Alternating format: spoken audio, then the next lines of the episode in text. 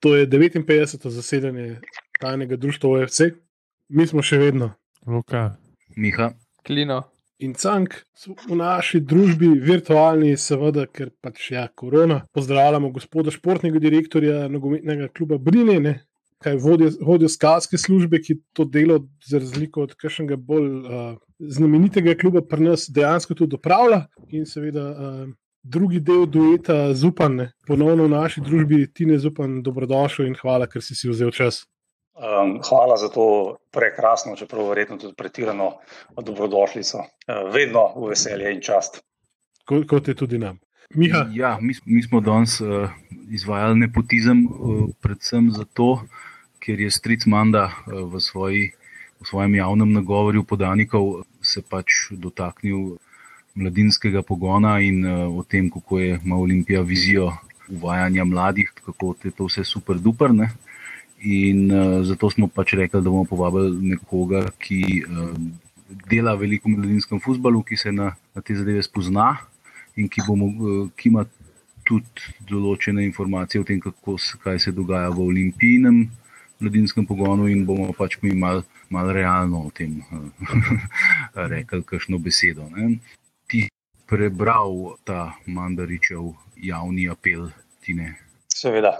Prvo vprašanje, v čem se razlikuje od javnega apela izpred parih let?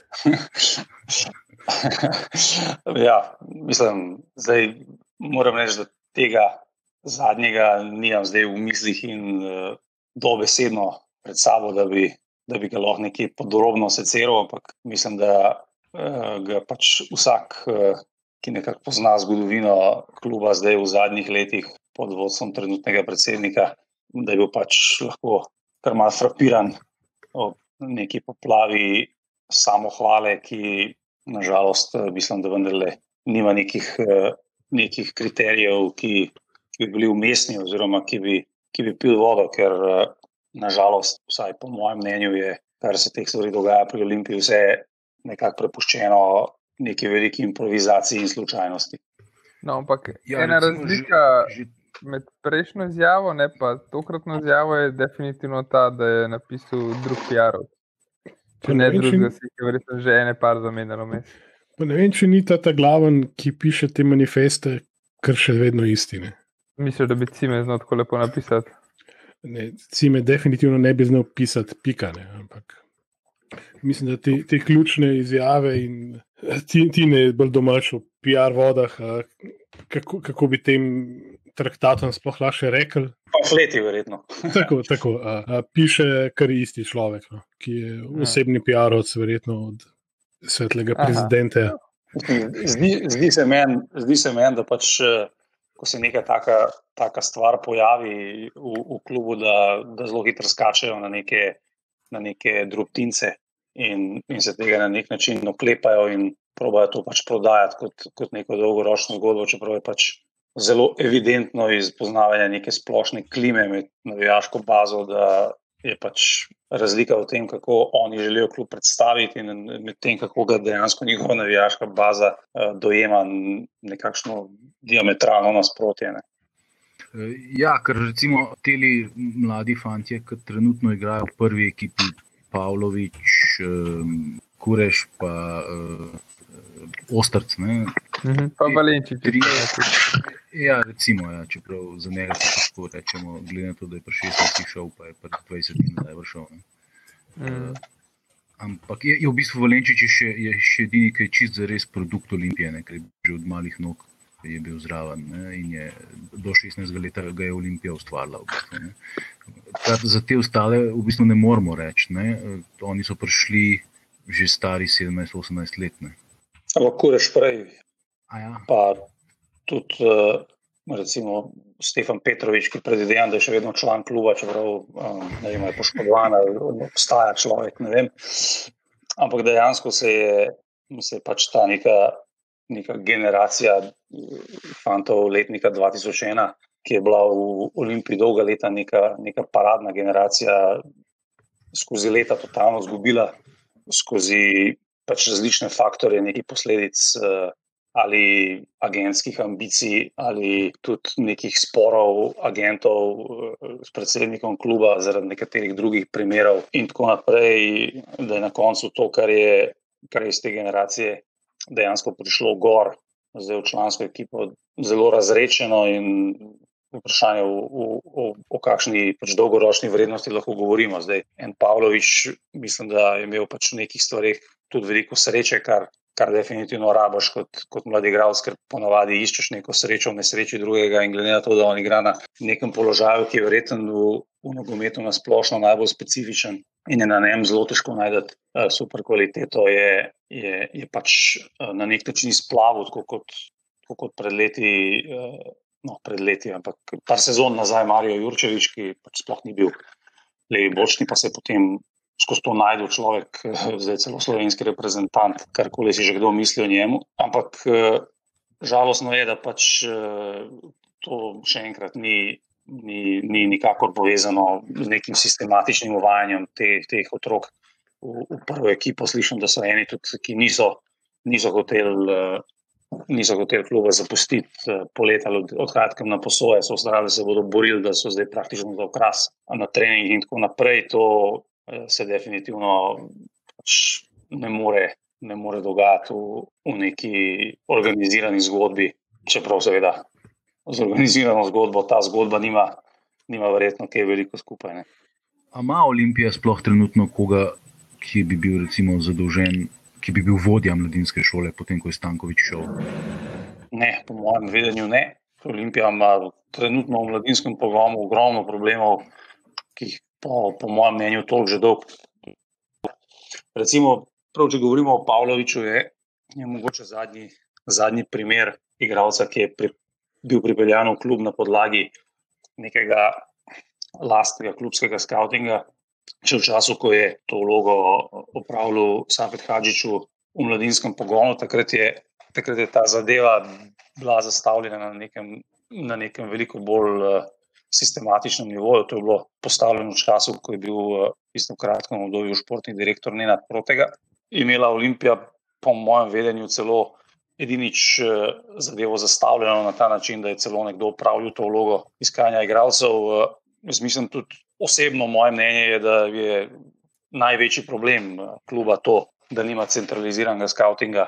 Pa ne govorim samo o mladinskem pogonu, jaz mislim, da je tle vse preveč vpliva pač nekih različnih interesov, različnih uh, ljudi v različnih obdobjih, glede na to, kako pogosta je seveda fluktuacija kadra na vseh položajih v klubu, je pa, je pa logično, seveda, da se potem non-stop delajo neke čistke in na ta način pač greš ti samo iz kaosa v, v, v naslednji kaos. Ne, in dolgoročni učinek pa na ta način zelo, zelo težko dosežeš. Ne, in zdaj tudi Olimpija je tudi v, v, v tem trenutku situaciji, da pač po mojem mnenju v mladinski ekipi z izjemo pač tega Enrika Ostrca, ki je že lep čas v članih, pa se mu, kot kaže, dogaja tudi nek, nek moment šikaniranja v prvi ekipi, vsaj ko lahko neke stvari razumemo. Z izjemo njega, mislim, da v, v tem letniku 2002, ki je letos izhodni mladinski letnik, nima igralca za prvo moštvo, pa tudi težko je reči, če, če je v,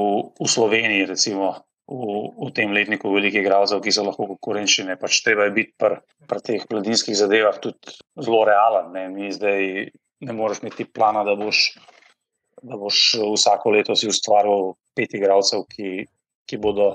Iz vsake generacije konkurira za, za prvo ekipo. To, to je pač nelogično, še posebej, če ti A, imaš, imaš neke ambicije, katerim je, je Olimpija po svojem statusu non-stop uh, podvržena, oziroma B, ti seveda rabiš čas in proces, da, da mladi igralec v prvem moštvu doseže določeno število tekem, da lahko, da lahko doseže pač nek nivo kvalitete. Ne. Jaz pač osebno ne bom rekel, da sem nekako frapiran nad ostacovo kvaliteto, je pa pač fan zanimiv igralec, glede na to, da je toliko nekih stvari že odigral pri toliko mladih letih. Vem tudi, da, da ga zelo zanima, da zelo zanima Mileta Čimoviča za mesto v reprezentanci v 21 za naslednje leto za Evropsko prvenstvo, ker imamo velik deficit na, na tem položaju zadnjega veznega. Tako da, če se zdaj tle res neke, neke stvari dogajajo, s čimer se fantu pač onemogoča neka, ne vem, ali je poškodovan ali je res pač zavrnil nek prestop, to so pač zgodbe, ki krožijo, jaz pač zadev, ki se dogajajo v klubu, ne poznam. Ampak mislim, da tle pač Olimpija zdaj ima, ima nek, nek material, na katerem bi bi pač neke stvari lahko, lahko ugradila, pa jih pač evidentno ne vidimo, da pač prihajajo nek, neka plejada tujcev z vsakim novim prestopnim rokom v, v valovih v klub. Kar je vprašanje, če, če je v skladu s to, s to zadnjo famozno izjavo, ki je bila vaša istočnica za ta pogovor. Tukaj je ena stvar zanimiva. Miha, ti si omenil, da si v bistvu ravno iz kadra, ki ga ima klub na razpolago, domačega kadra, ne? si sestavil v bistvu ekipo, ki je verjetno pač še cenejša od te obstoječe, trenutno, kot je ti ne rekel, z falango nekih tujcev, ki se v vsaki priliki praktično prikazujejo ali na preizkušnjah, ali že kar v prvih v 18-terici, Miha, lahko več poveš o tem. Eh, ja, jaz, jaz sem se samo v bistvu igral z obstoječim kadrom, ne? ker, ker pač eh, blazna kritika Olimpije je, da ima preveč tujcev, da igra eh, recimo temu. Dekadenten nogomet, se pravi, bolj defensiven, ne? in da pač ta trener ni primeren, in tako naprej. Ne? In sem rekel, kako bi izgledala ta olimpija, recimo, če bi hotel ti jo sestaviti prvenstveno iz, iz domačih igralcev, ki so že v klubu, ne zdaj, da, da, da, da nove voziš. In, in sem razen um, in sem sestavil ekipo v bistvu mladih igralcev, razen Finka in Samaržiča. Ki sta pač veterana, pa še Šmej in Vomberger, sta uh, 26 in 25, vsi ostali so pa izredno mladi. Edinega tujca, ki sem ga uvrstil v to ekipo in ki bi ga pol, uh, v tem primeru zadržal, bil pa Ivanovič. Ne? Tako da ta, recimo, ta ekipa zgleda tako: v golu je Frelih, ki je star 22 let, na levem boku zadnji je Fink, ki je star 30, centralna branilca sta Samaržič 33 in Šme 26, na levem boku je Pavlović, ki je star 19, dva zadnja vezna sta Elšnik 22 in Valenčič 21. Na, na, na enem boku imaš potem v ofenzivni vezi Kureža, ki je 19, na drugem imaš Osterca, ki je 18, potem imaš eh, v sredi Ivanoviča, ki je 24, v napadu Vomberger, Bombergerja, ki je 25. Ne? In to so recimo igravci, ki, ki imajo vsi slovensko državljanstvo, razen Ivanoviča. Ne? To bi, recimo, po mojem, bila ekipa, ki bi lahko, če bi skozi igrala skupaj v enem letu, recimo, dosegla nek nivo. Poleg tega bi bil pa to izredno dober eh, PR eh, v smislu, mi res vzgajamo mlade in jim dajemo priložnost. In mislim, da so ti igravci vsi dosti kvalitetni, da igrajo slovensko ligo že zdaj. Ne? Samo pač ne bi se pa boril za naslov, to je pa, to je pa absolutno jasno. To bi, to bi pač mogli tudi uh, jasno povedati. Ne? Da, pa recimo ne mest uh, Skenderja, ki ga, ki ga vsi tako blazno kritizirajo, bi dal pač enega mlajšega slovenskega trenerja, ali bi bil to Grabič, ali bi bil to Zelkovič, ali bi bil to kdorkoli. Uh, samo nekdo, ki bi bil pač všečen tem našim nacionalistično razpoloženim medijem. In, in jaz mislim, da bi imel s tem pošlihtan vse. Ne? Prvič bi imel zunanjo podobo, bi imel tako, kot jo in mediji in navijači hočejo. Ne? ne bi imel falange tujcev, ki jih vsi tako blazno kritizirajo, čeprav jaz do vseh nisem tako kritičen kot večina. Ampak se mi zdi, da bi, da bi s tem recimo si, si kupil eno leto miru in, in bi se dal v miru delati. Ne? Samo pač, seveda, ne pod, ne pod tem predsednikom, da, da, da, da smo si na jasnem. Ne? Ampak eh, to je samo pač ideja, ne? kako bi se dal iz že obstoječega kadra narediti nekaj, kar bi, mislim, da javnost z pač bi rokami sprejela. Meni se zdi ta Mihato ekipa res zanimiva. A imaš klop, imaš tudi mogoče še koga na klopi? Ali? Ja, preostalih slovenci v klubu so Vidmar, Kurun, Andrejašič, eh, ta Adrian Zelkovič in tam malo Baskera. Zdaj, to, to, to je za klub zelo malo. Pač če bi se vse ostale uh, tujce ali vrnili v njihove matične klube ali pa prodali, bi se pač mogli lepo uh, do, dopolniti kader, ne? če bi hotel res pač furati to ne, uh, bolj domačo uh, ekipo. Klej čist lajično v bistvu okay, fama je zdaj le, pač, da gremo na mlade domače, tako kot pač vsake pol leta, ko je pač nekaj treba dati jav, v javnost. Ne? Ampak s tako ekipo dejansko v naslednjih petih, šestih prestopnih rokih si lahko zgradiš renome, da pa res nekaj delaš z domačimi mulci, ker verjetno je vsaj pol te enajsterice ima potencial, da pač grejo ali v tujino ali kakorkoli še napreduje. Ne? To je čisto lajično, to bo ti ne bolj znal povedati. A je kaj na tem. In hkrati pol res prvabaš mulce tudi v mladinski pogon. Da, ne, se mi zdi to en tak res velik, pomemben kos, ene sestavljanke celote. Ali se motim? Mislim, te, te dve zadevi, ki si jih omenil, sta definitivno maksimalno povezani. Ne. Se pravi, če, če mladi igravci igrajo, potem je tudi mladinski pogon definitivno v plusu, ne. veliko pridobi, uh, raje prihajajo uh, in tako naprej. Ne.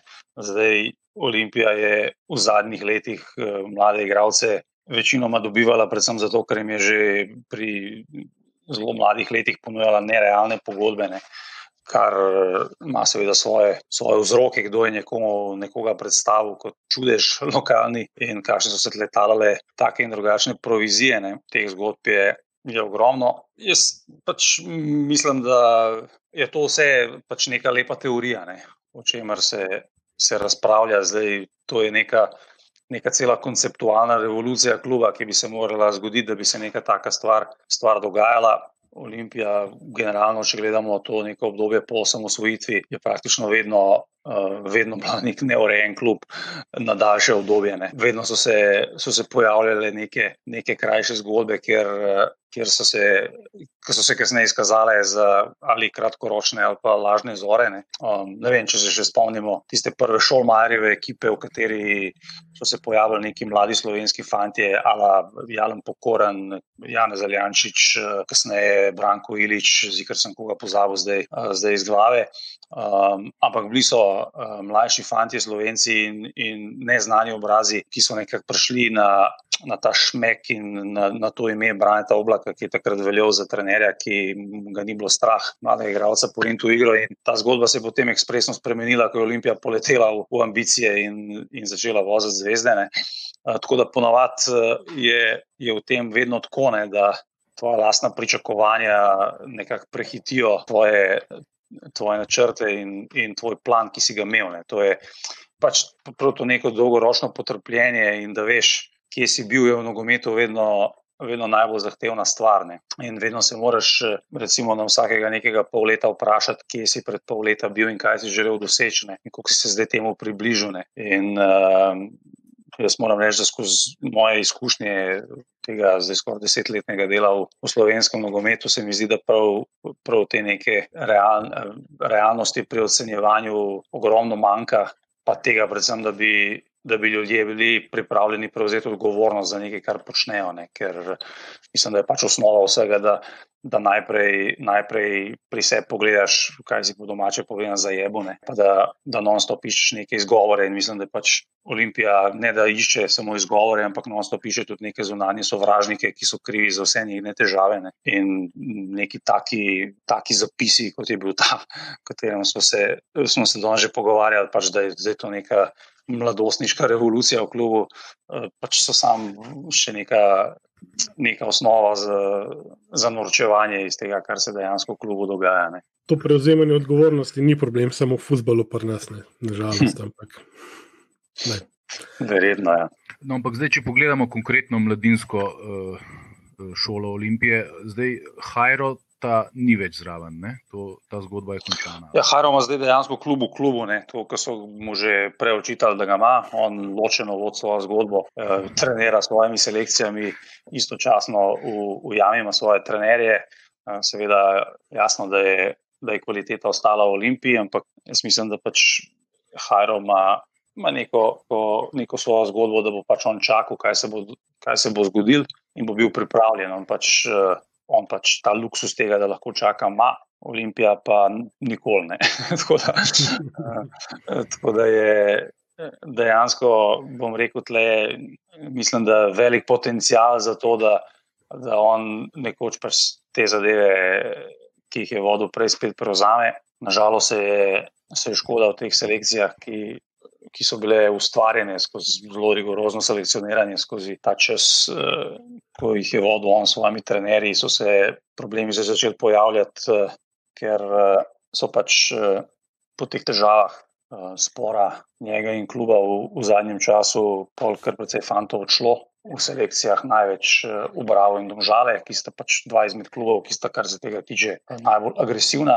Se pravi, zelo, zelo veliko dajeta na to, da igralce vosta iz druge, čeprav domžale jih tudi za razliko od Brava veliko sami ustvarjajo. In pač škoda se je že naredila, ker ne bom rekel po dolgem času, mogoče celo, celo prvič v času slovenske samostojnosti se, se je res zgodilo, da je Olimpija ustvarila nek svoj kader. Ne? Ker jaz se vedno sprašujem, kaj je smisel mladinskega nogometa. Ne? Za me smisel mladinskega nogometa ni, da ti pripelješ sedem eh, reprezentantov, eh, ki pač so, imajo prave menedžerje in so seveda zanimivi fanti, pa jim daješ plače 3000 evrov plus.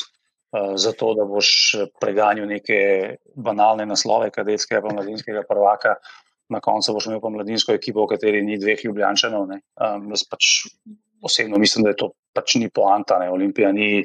Um, Olimpija ni Ajax, ne vem kaj, da, da mora iskati igralce po celem svetu. Ne. Jaz mislim, da pač Ljubljana je tako ogromen bazen, da če je Olimpija dovolj pametna v, v teh kategorijah, nekje do 12-13 leta, 14, recimo, končna selekcija, ko se gre na velik nogomet, lahko že le zgradiš tako bazo, da z nekimi minimalnimi dodatki potem, eh, potem lahko to plemeniteš s temi fanti, ki potem pridejo in so res dodana vrednost in imaš dovolj kvalitete. Ne. In tle mislim, da je, ble, da je bila velika škoda storjena, ker je ta osnova dejansko bila zelo zanimiva in dobro narejena, da so bili ti otroci res natrenirani na brutalne načine. Eh, pač mnoge kritike so letele na to, da so celo pretrenirani, da je bilo preveč turnirjev in tako naprej. Ampak eh, rezultat je bil, da je imela Olimpija res eh, zelo, zelo dobre selekcije. Ne. Zdaj, kaj bo dolgoročno s tem, nažalost, po tem prvem poletju ne kaže dobro. Bomo videli, kako se bo zadeva naprej odvijala. Ampak Olimpija je od poletja, kar se tiče že prej organizacij na zelo trhlih temeljih v, v mladinski šoli, po hodu Gorana Stankoviča, ki je te zadeve nekako držal skupaj v nemogočih razmerah, ampak stane je mačak, ne, kot rečemo.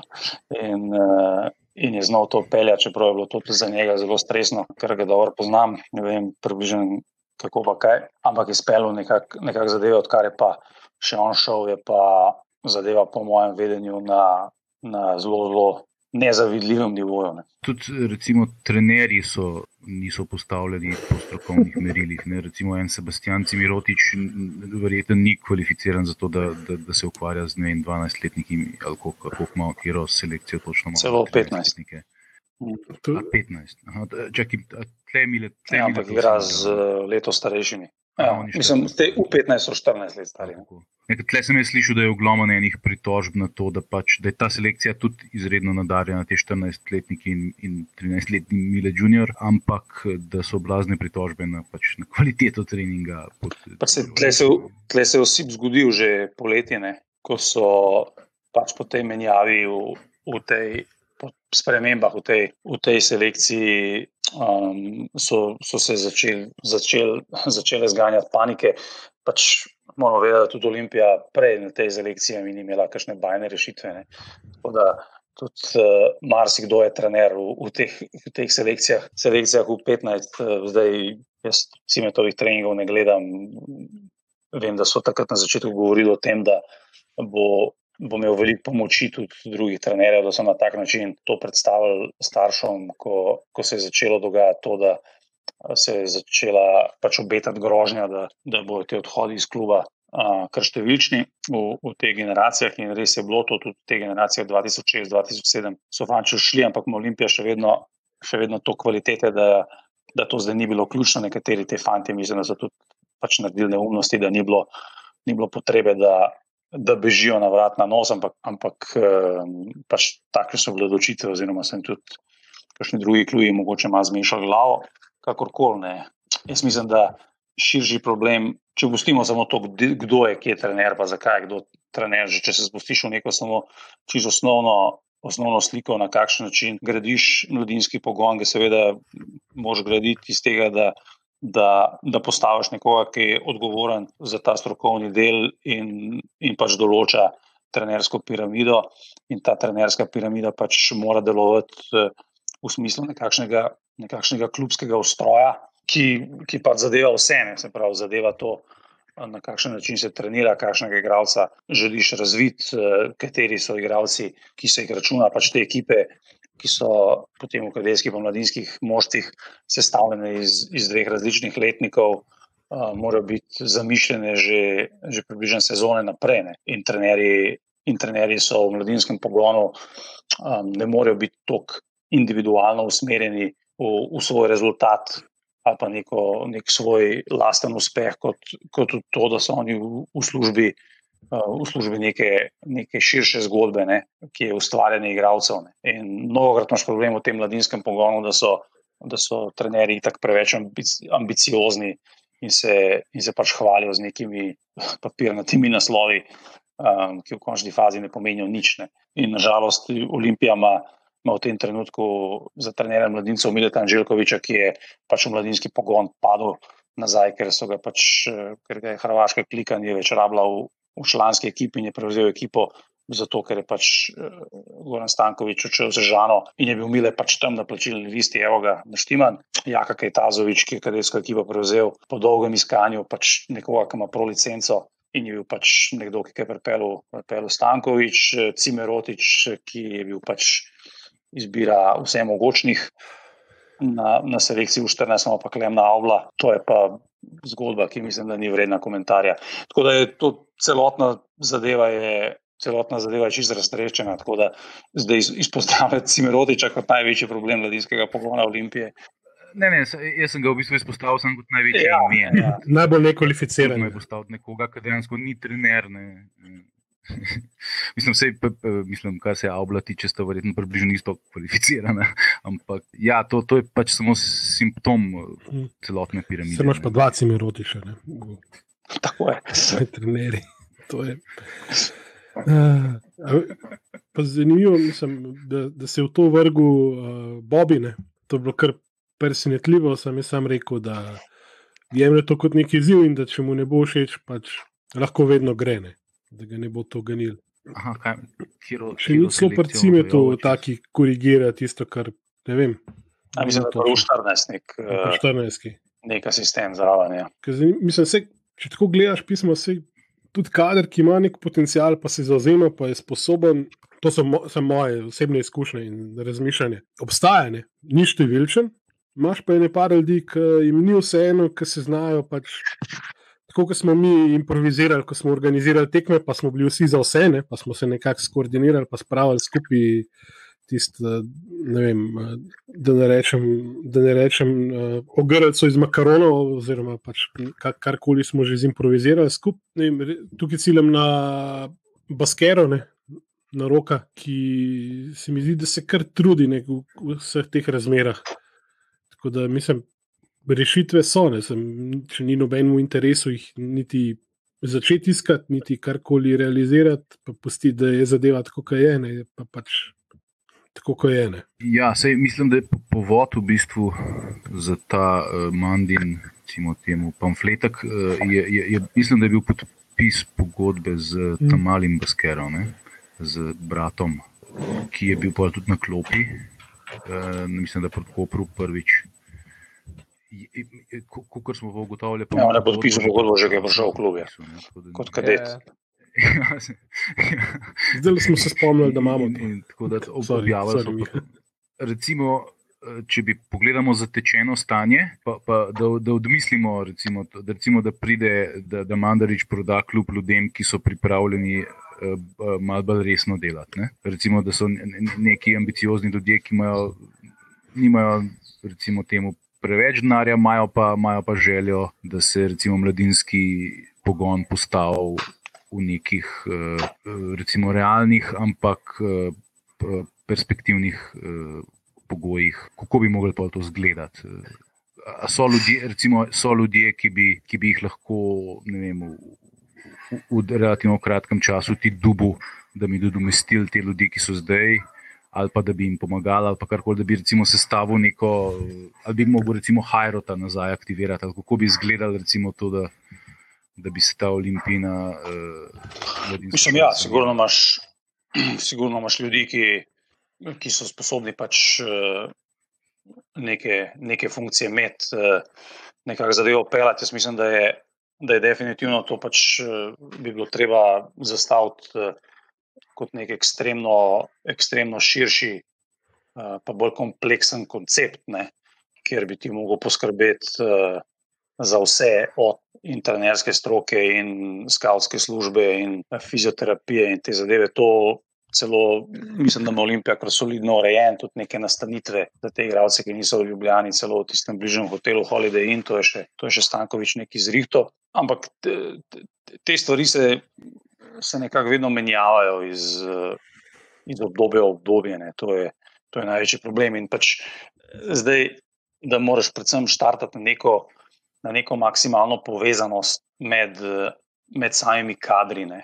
Ker če imaš ti ljudi, ki jih samo namečeš za to, noter, ker ali so A nekje naredili rezultat, ali so, ali so B neke klubske legende ali karkoli, pa niti ne veš, kakšni so trenerji, kako delajo na treningu, kakšna je njihova futbalska ideja, ne. potem nisi naredil nič. Ne. In tudi, kdor, kdor pač te zadeve ne. ne ne misli zastaviti v, v nekem takem smislu, je pač že, že v, v, v štartni fazi brcno prazno. Ne. In tle, tle je, je pač v to treba že, že v štartu uložiti kar precej. In jaz mislim, da in financ.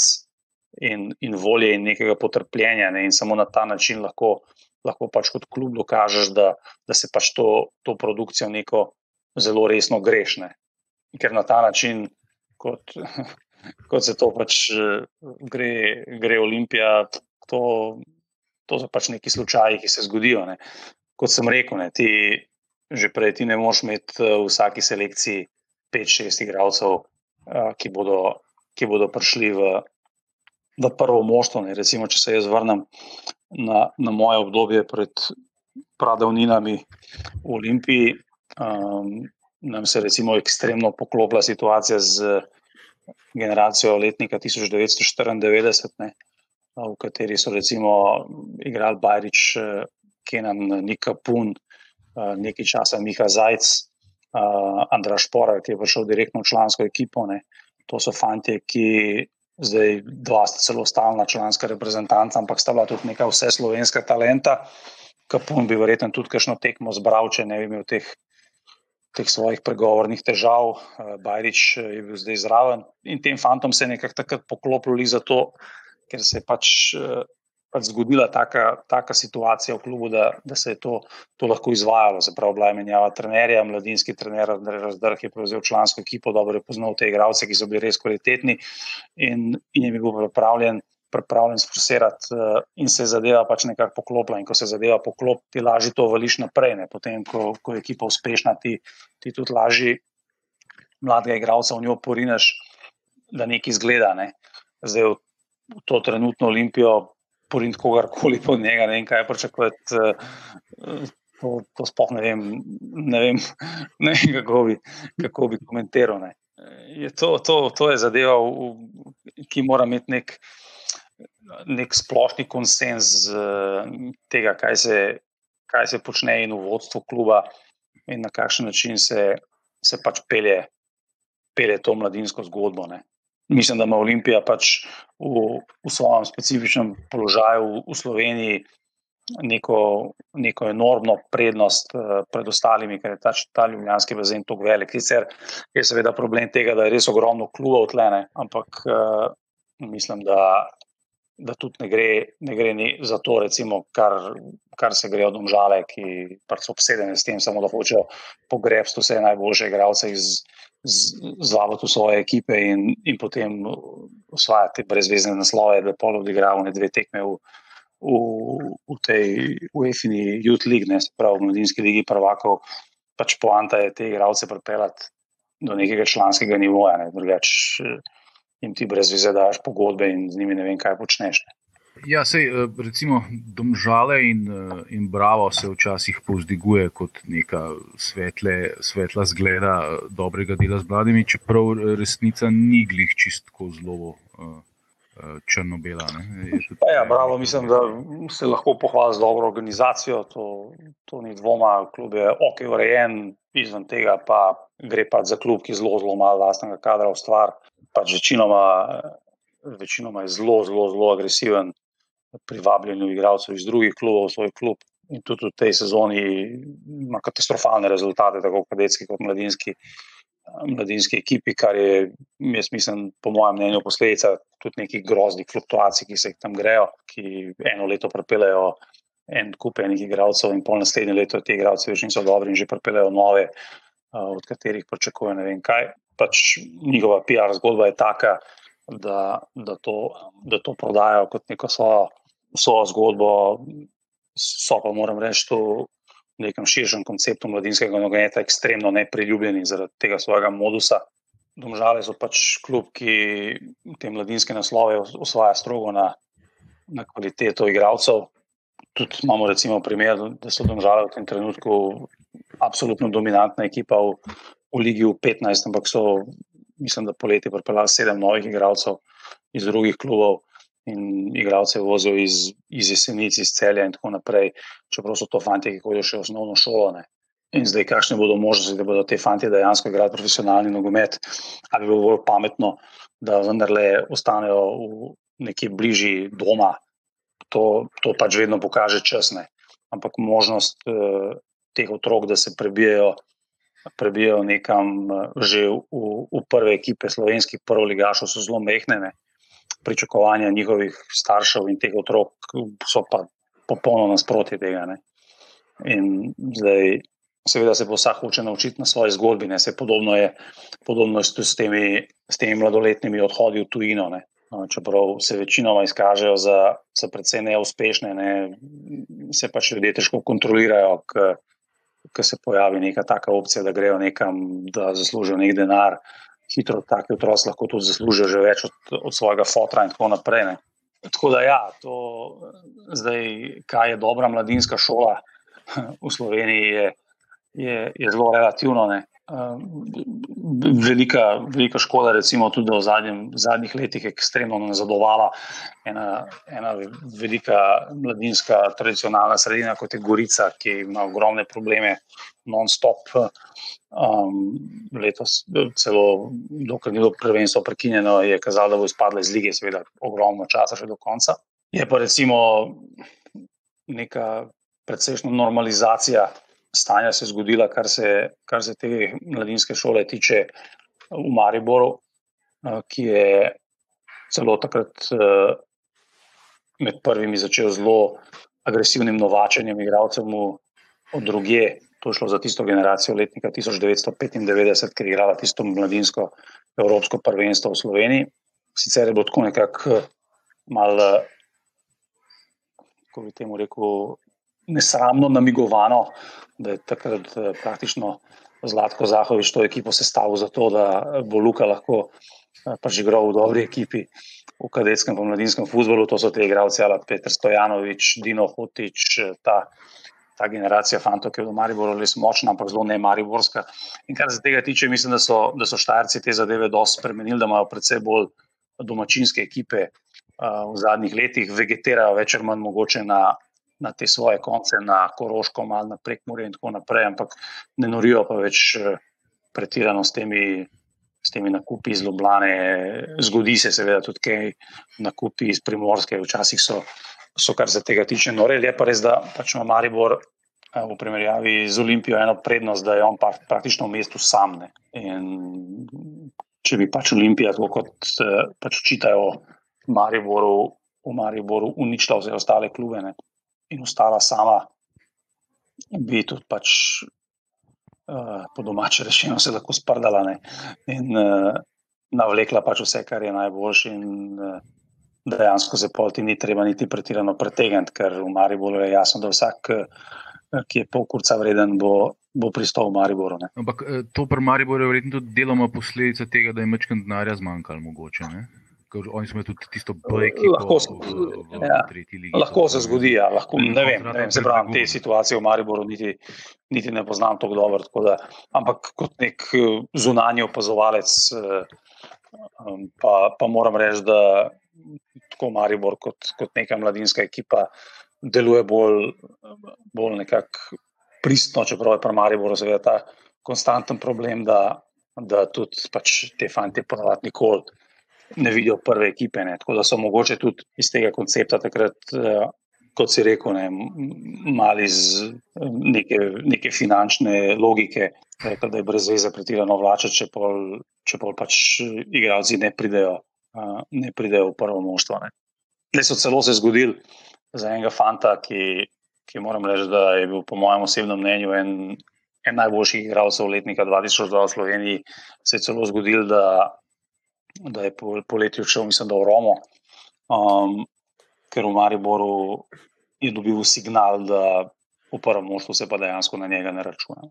Tako da se, kot kaže, tam, vem, da je ta klasična, klasična fama tam med, med, med Mariborčani zdaj.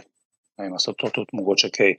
Teorije zarote tega je med, med starševstvom v mladinskem nogometu veliko, ampak da pač v Mariboru so domači igravci iz Maribora vedno, vedno najmanj vredni. To, je, to je pač neka klasika. To je pa tako, kot pri Olimpiji v hokeju. Na plačilni listi so vsi, ne, ampak najprej, najprej bojo pač v tujce poplačali, domači pa se lahko potrpijo, sej, ne raboš ti še. Ta mesec ne raboš plače, se še imaš. Bože, bože, bože tudi debitiral za prvi. Ja, nekoč. Ja. Ja, jaz sem prisluhnil, ker priznam, da se ne spoznam na, na mladinski nogomet nič. Uh, si jaz tudi ne. Gledam rezultate v mladinskem nogometu za naš, naše vesti iz zemlje iz zemlje in to je to. Tako da tam vidim, da Olimpiji kaže na površju, zgleda, da čisto ok, so neki na tretjem mestu. Zdaj, kaj se skupaj zadnji, pa, pa ja, je pa zanimivo slišati, definitivno um, en vidik nekoga, ki se s tem ukvarja na dnevni bazi. Ne, ne sicer z Olimpijo eksplicitno, ja, še enkrat podarmo, ne, ampak um, neko pogled po vse je. Pa jaz mislim, da je zdaj trudno v Olimpiji, mora reči, kot bi se interes teh ljudi, ki vodijo klub.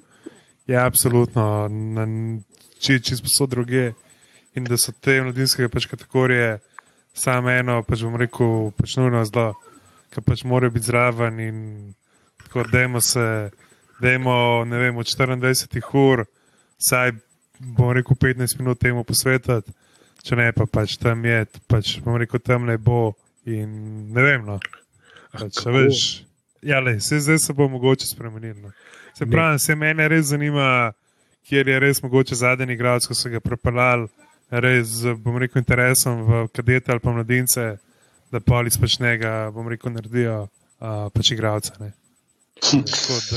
Mo mogoče bi rekel, da bi ti ariš, ampak nažalost ni pa naredila Olimpija, ne? ampak je fant naredil druge. Um, kar je pač. Uh, moram reči, dobro, dobra istočnica, ki si jo dal.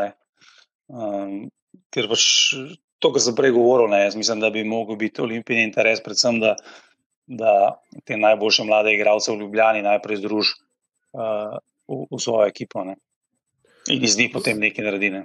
Mislim pa se meni je tudi to smešno, se je tudi v končni fazi imajo na, na žaku nekako zbrane ali pa zbrano večino bom rekel, najboljših igralcev v svojem letniku. Ne.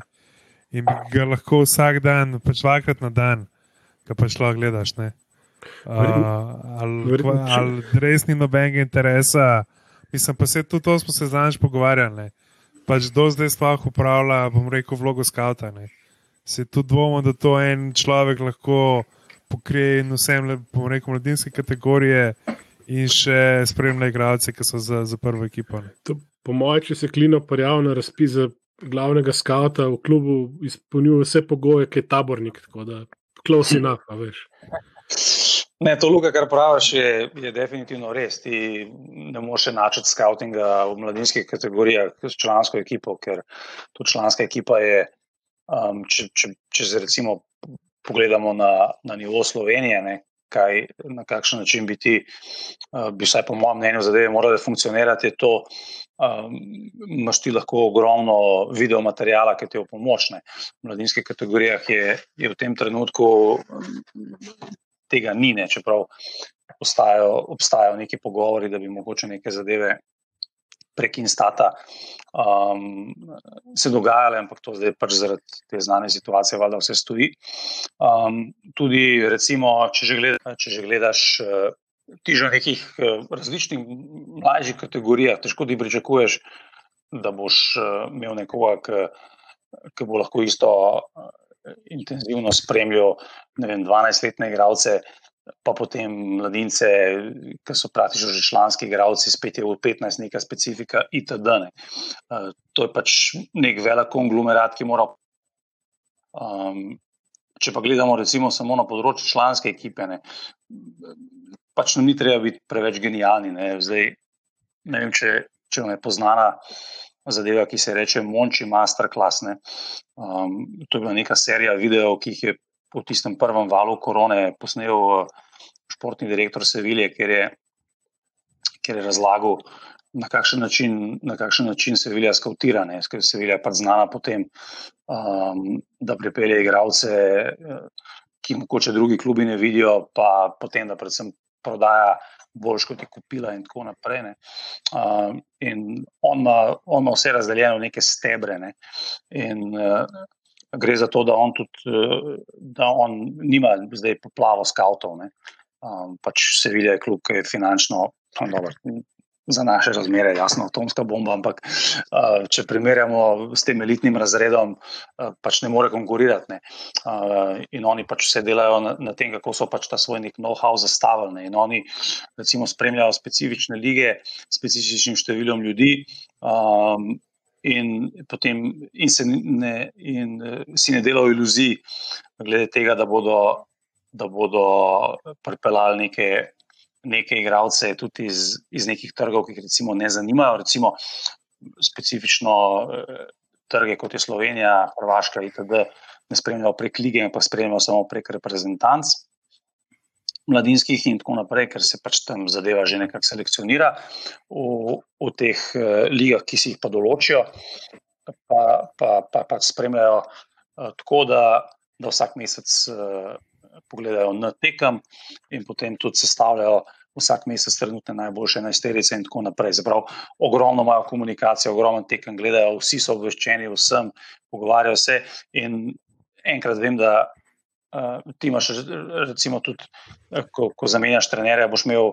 Um, boš imel mogoče, boš rabo, ne vem, levega beka, boš imel ti povsem drugačno idejo, Eh, tega, tale levi bek je super, ofenziven, TTT, eh, center žut na takli od desno, on pa mogoče razmišlja o tem, da on od beka pričakuje predvsem, da bo igral v obrambo, da bo bil visok, TTT in oni pa zbirajo ogromno profilov igralcev, ki potem lahko mogoče ustrezajo trenerjev, ki ga pripeljajo, da mu pač dajo igralca, ki je za njegov slog, ki ga bo gojil, eh, primeren. In jaz mislim, da se neka taka zelo osnovna zadeva komod prenese tudi na na naše področje. Ne. Še posebej glede na to, koliko enega banalnega denarja se tle zapravili za neke nepremišljene nakupe, za koliko si lahko verjetno predstavljamo, da se enega denarja potavlja prek nekih, nekih fondov, ki je zaslužil nek folk, ki, ki bi ga verjetno mogli pregnati čim dlje od kluba in tako naprej. Ne.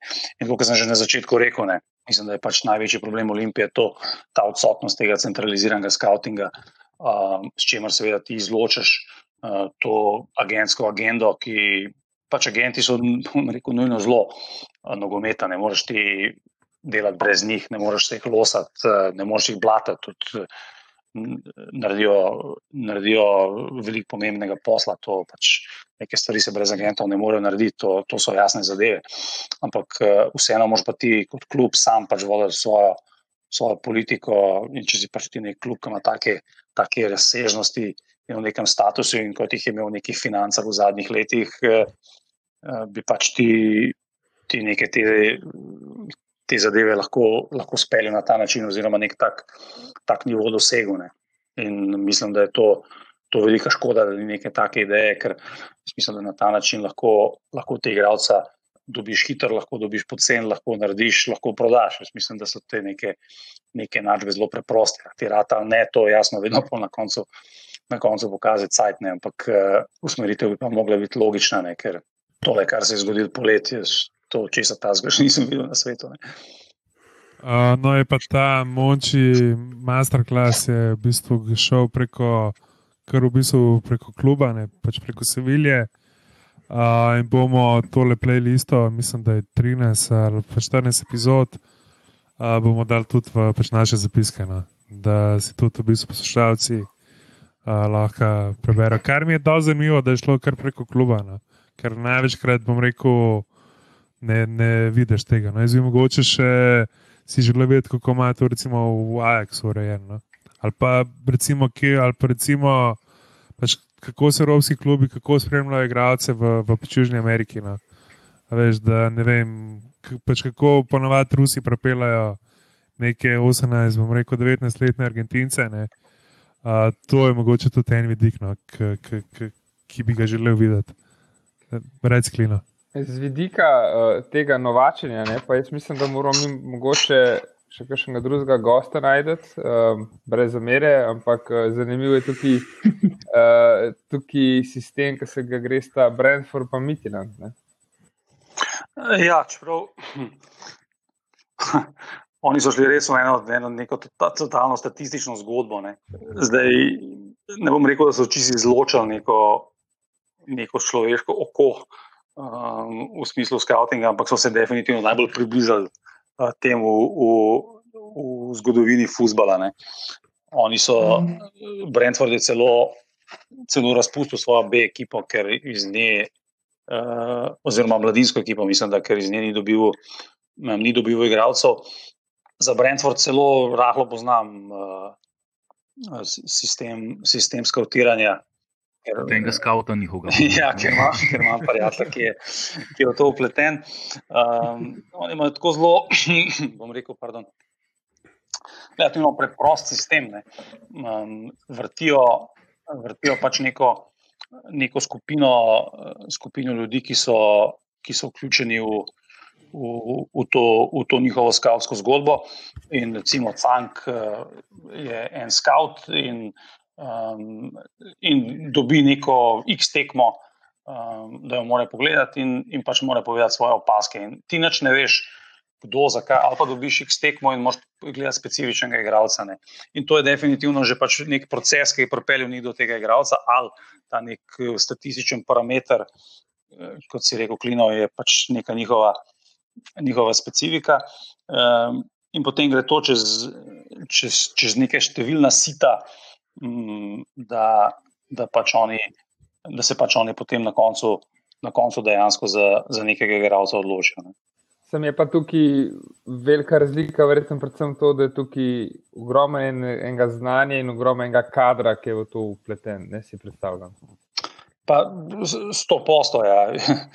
Recimo, bila je celo, celo situacija, ko je Um, ko je ta angliški lastnik uh, Mitilanda, ki je pač tudi lastnik Brentforda, prišel na Dansko, um, se je že na prvi tekmi zgodil, da je bilo, da je bilo na neki tekmi Tanske lige v šali rečeno že, že več nekih statistikov uh, kot gledalcev, ki so zapisovali vse neke možne stvari, ki so jih opazili.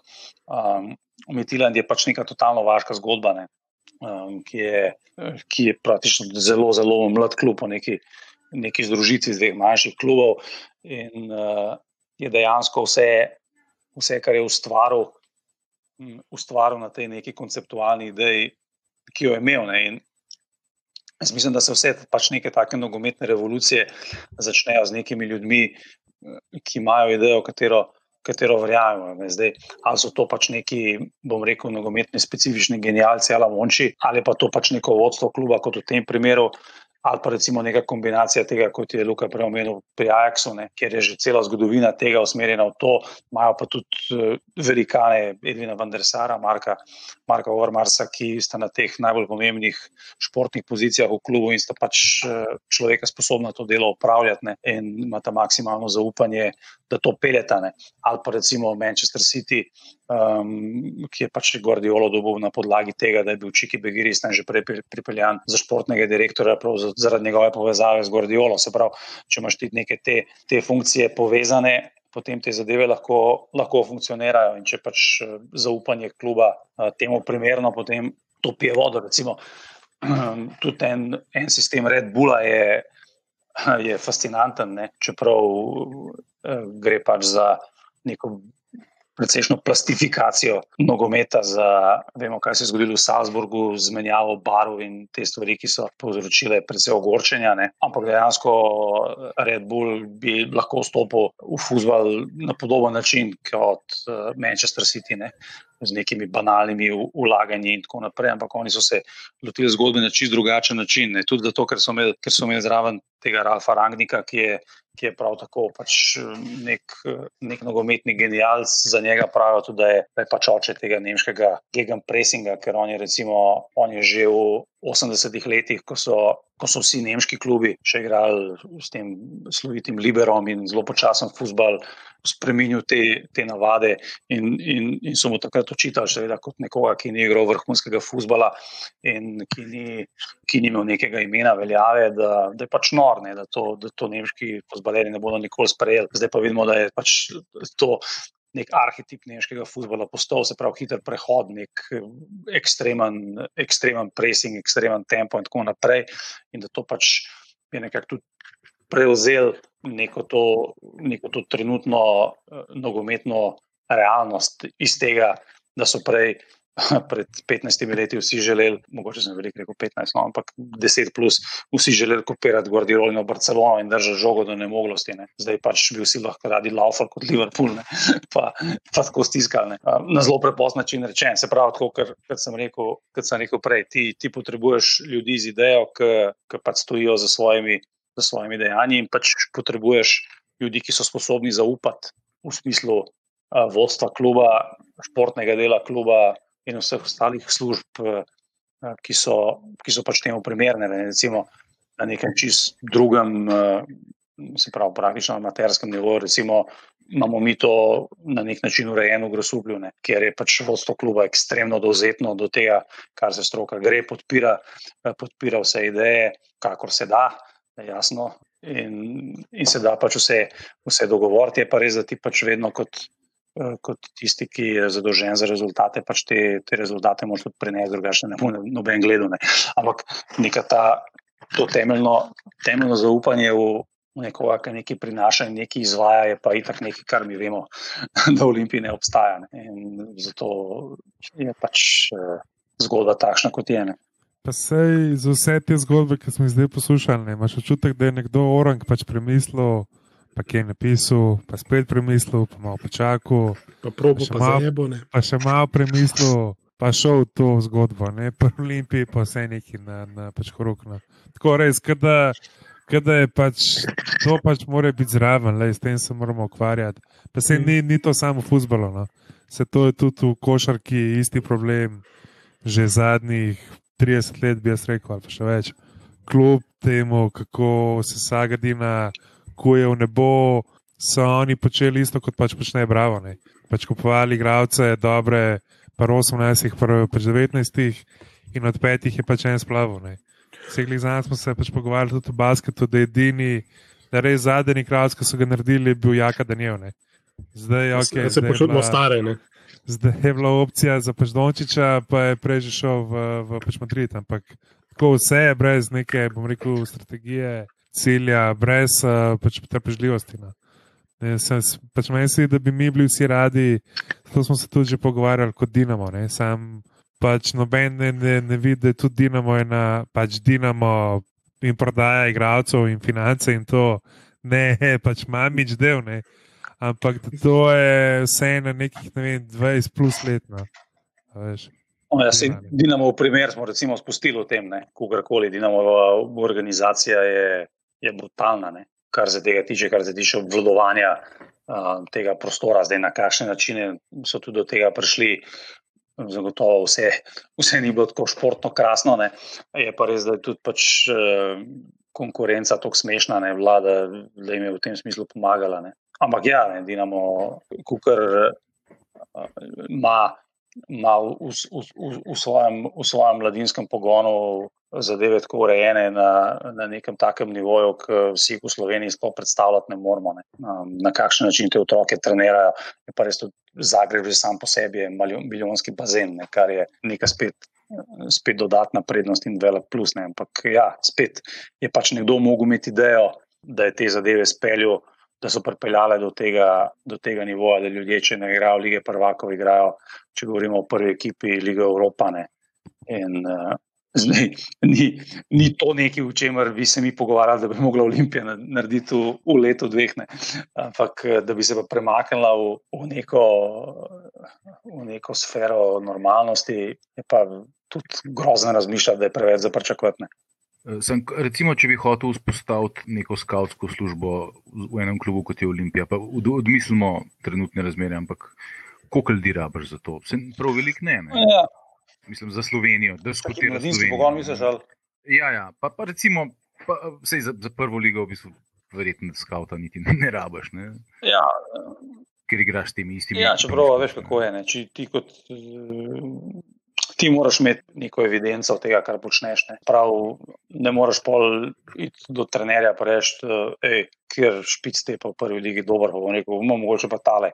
Bomo pa tega vzeli. Ti, ti vse ne mislim, da, da moraš imeti neke, neke zadeve, zadeve dodelane na ta način, da, da veš, kaj je na voljo, um, da veš, kje se kaj dogaja, zanimivo, kakšen igralec bi mogoče lahko bil presenečen in tako naprej. Oziroma, Eh, kakšni mlajši, ki so že odigrali nekaj, ki jih je pač tudi nekaj, pa se jih, pa jih je treba, pa jih je treba mogoče spremljati.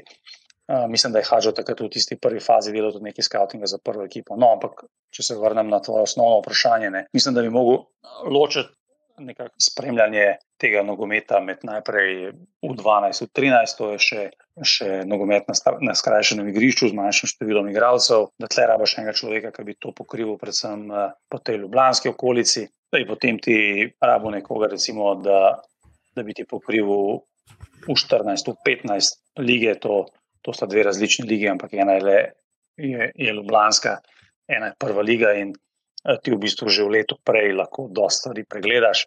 Pa, pa mislim, da bi verjetno rabo, če zdaj govorimo o nekem zelo osnovnem nivoju, ne, ki bi bil dosegljiv, še dva človeka za, za mladinsko, pa pa bi se, pa bi se lahko čist, mislim, pa bi naredil že brutalen premik naprej, to so pač štiri ljudje.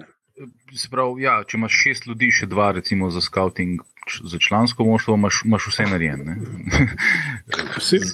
Olimpija je v bistvu že imela človeka, ki je nekako imel ta pregled nad to otroško nogometno šolo, ki ne na zadnje zdaj v bistvu dela tam. Ne? Ni Darko Škerel v bistvu ime, ki me je odzvanjal zdaj v glavi, odkar si omenil pač starostne kategorije in to ne. Ja, ok, mislim zdaj, kdo, kaj, zakaj, kje je to, to je zdaj odvisno. Ti moš, jaz mislim, da vedno v, v, v konceptu vključiti nekaj ljudi, ki, ki pač pašo zgodbo, zdaj odvisno, kdo to dela, zakaj to dela, kako to dela.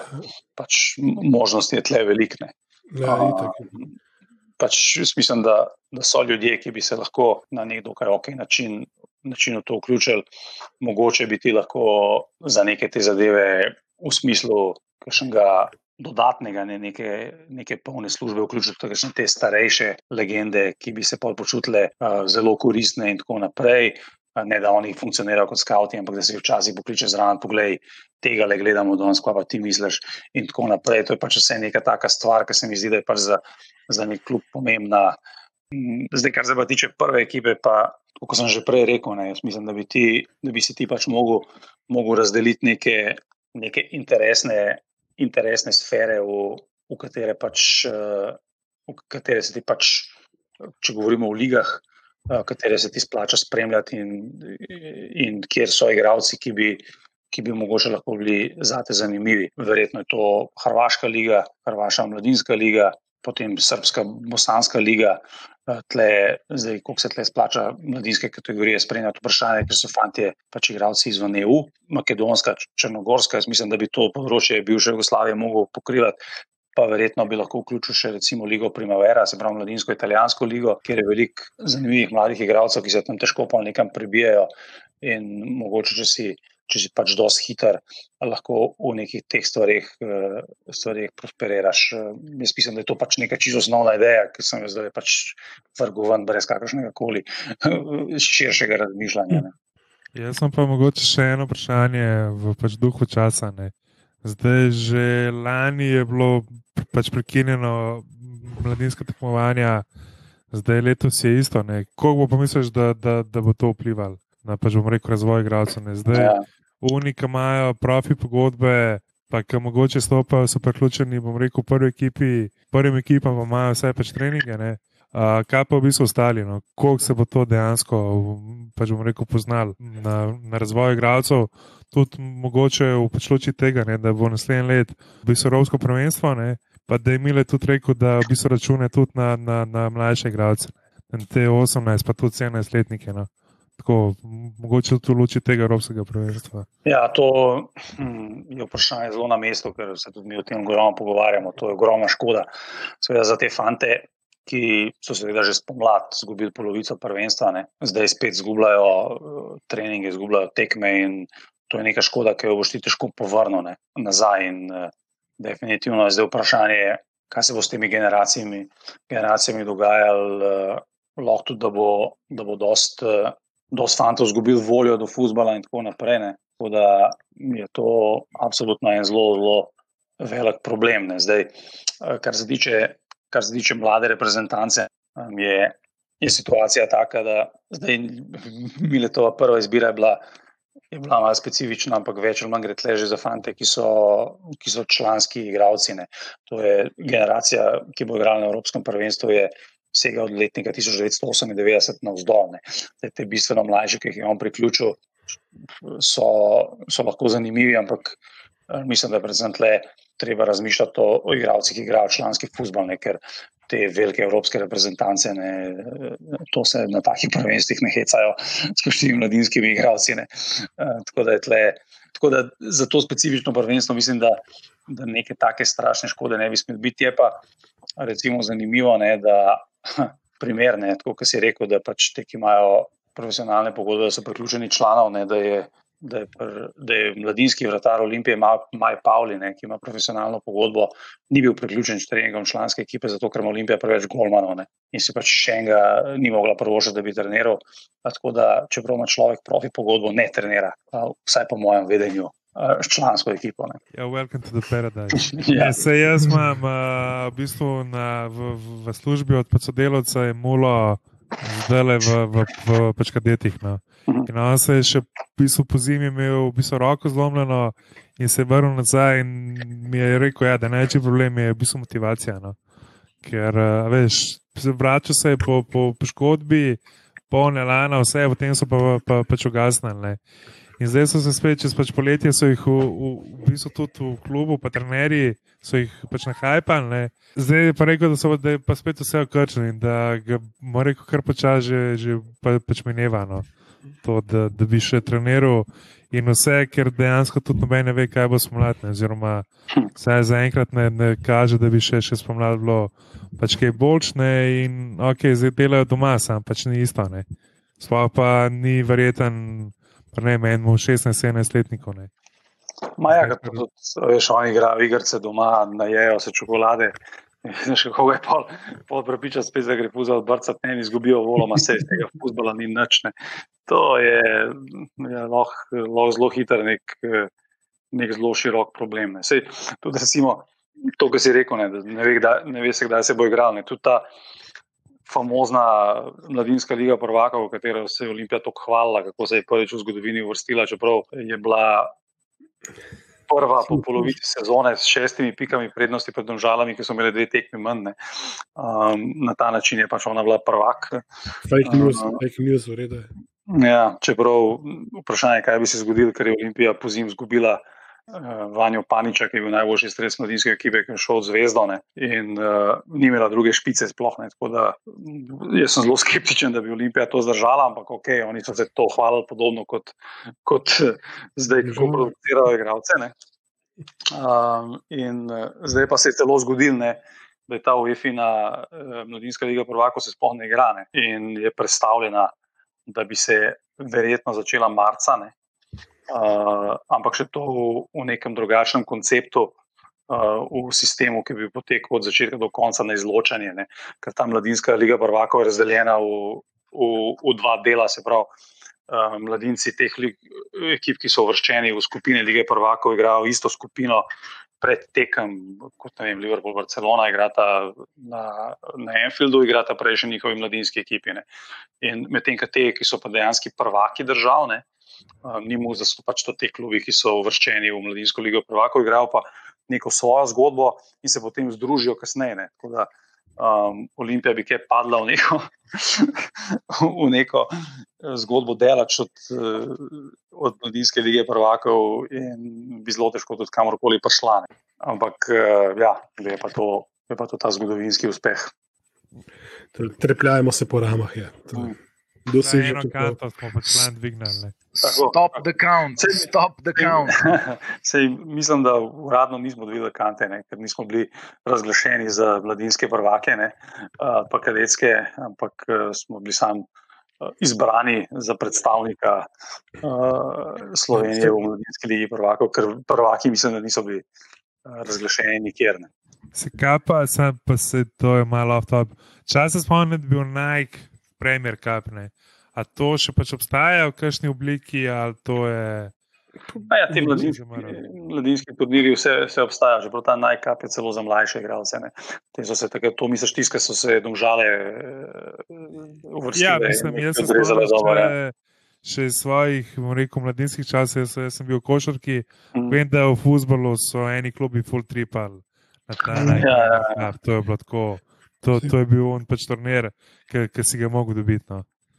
Domžalam se je utrgal, enkrat pa so prišli na neki zaključni turnir na Old Trafford, to z to generacijo, ki je bil, ki je bil Jan Lakar takrat uh, pri njih še 98-letnika, ki je bil v Domžalah zelo perspektiven, ampak uh, kot uh, vse domžalske generacije se pač z njimi nič ni zgodil. Uh, jazen Jan Lakar, karkoli si že pač misel do njegovi karieri, pač človek služi denar, igra nogomet in tako naprej. Ampak ja, takrat so oni, so oni naredili tam tam nek strašen, strašen preboj.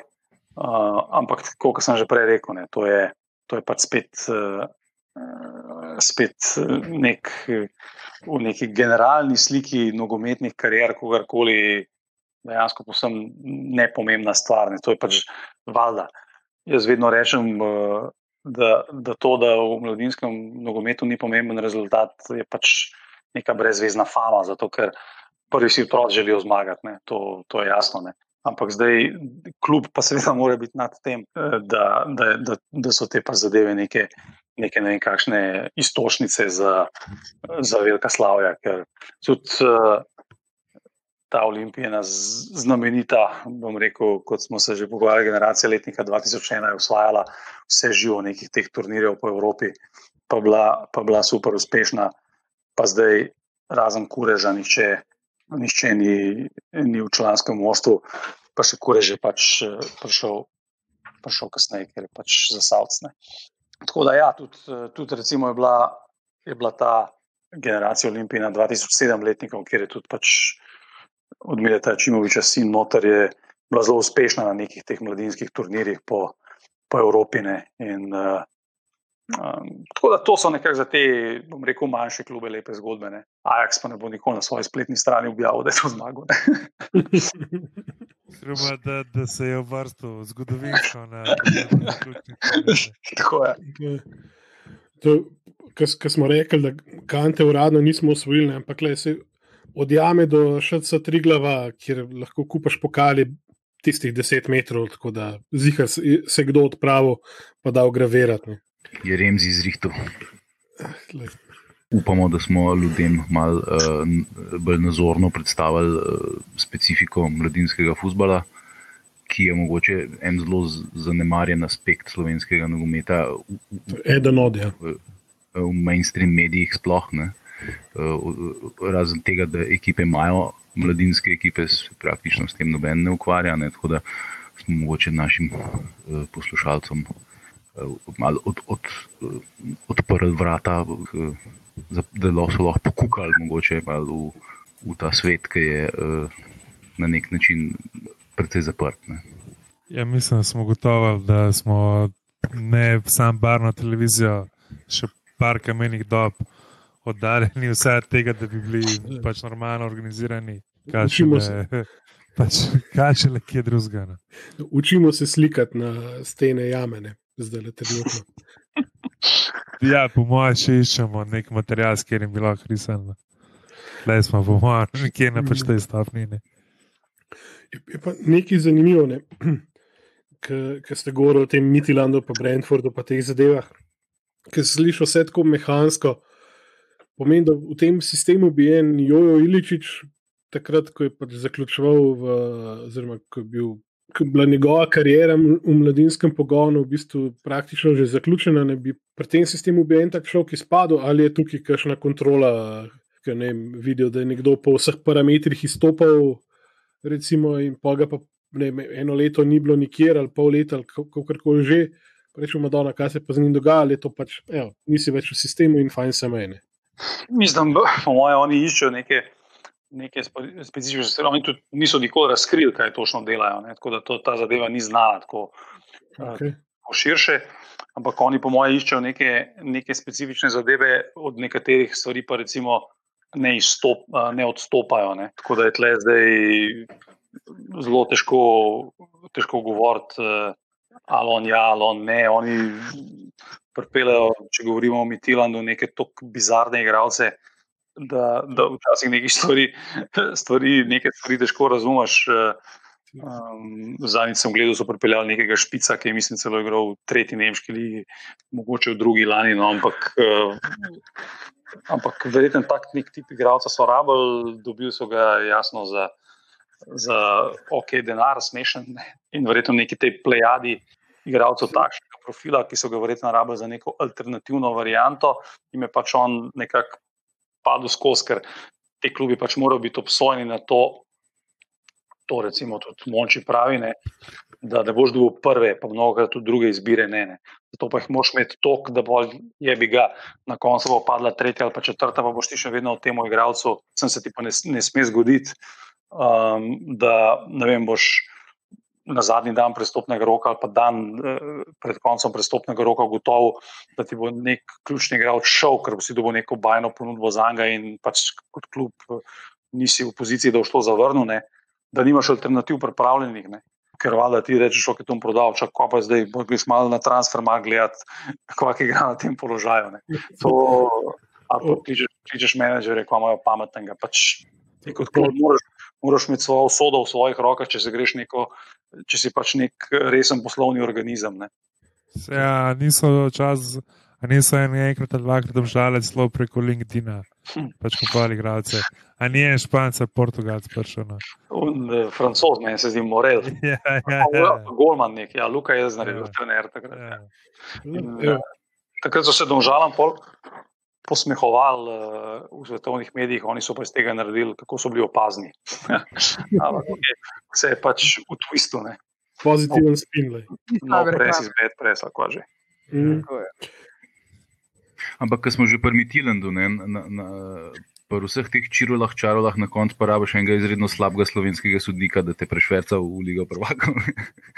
ja, sem, sem seveda njih moraš razumeti, da so oni že to, da so danski prvaki v Kopenhagnu, eh, ki je finančno toliko močnejši od vseh ostalih tam, je že to nek enormen uspeh, to, da so prišli v Ligo prvakov na res, za moje pojme, moralno katastrofalen način.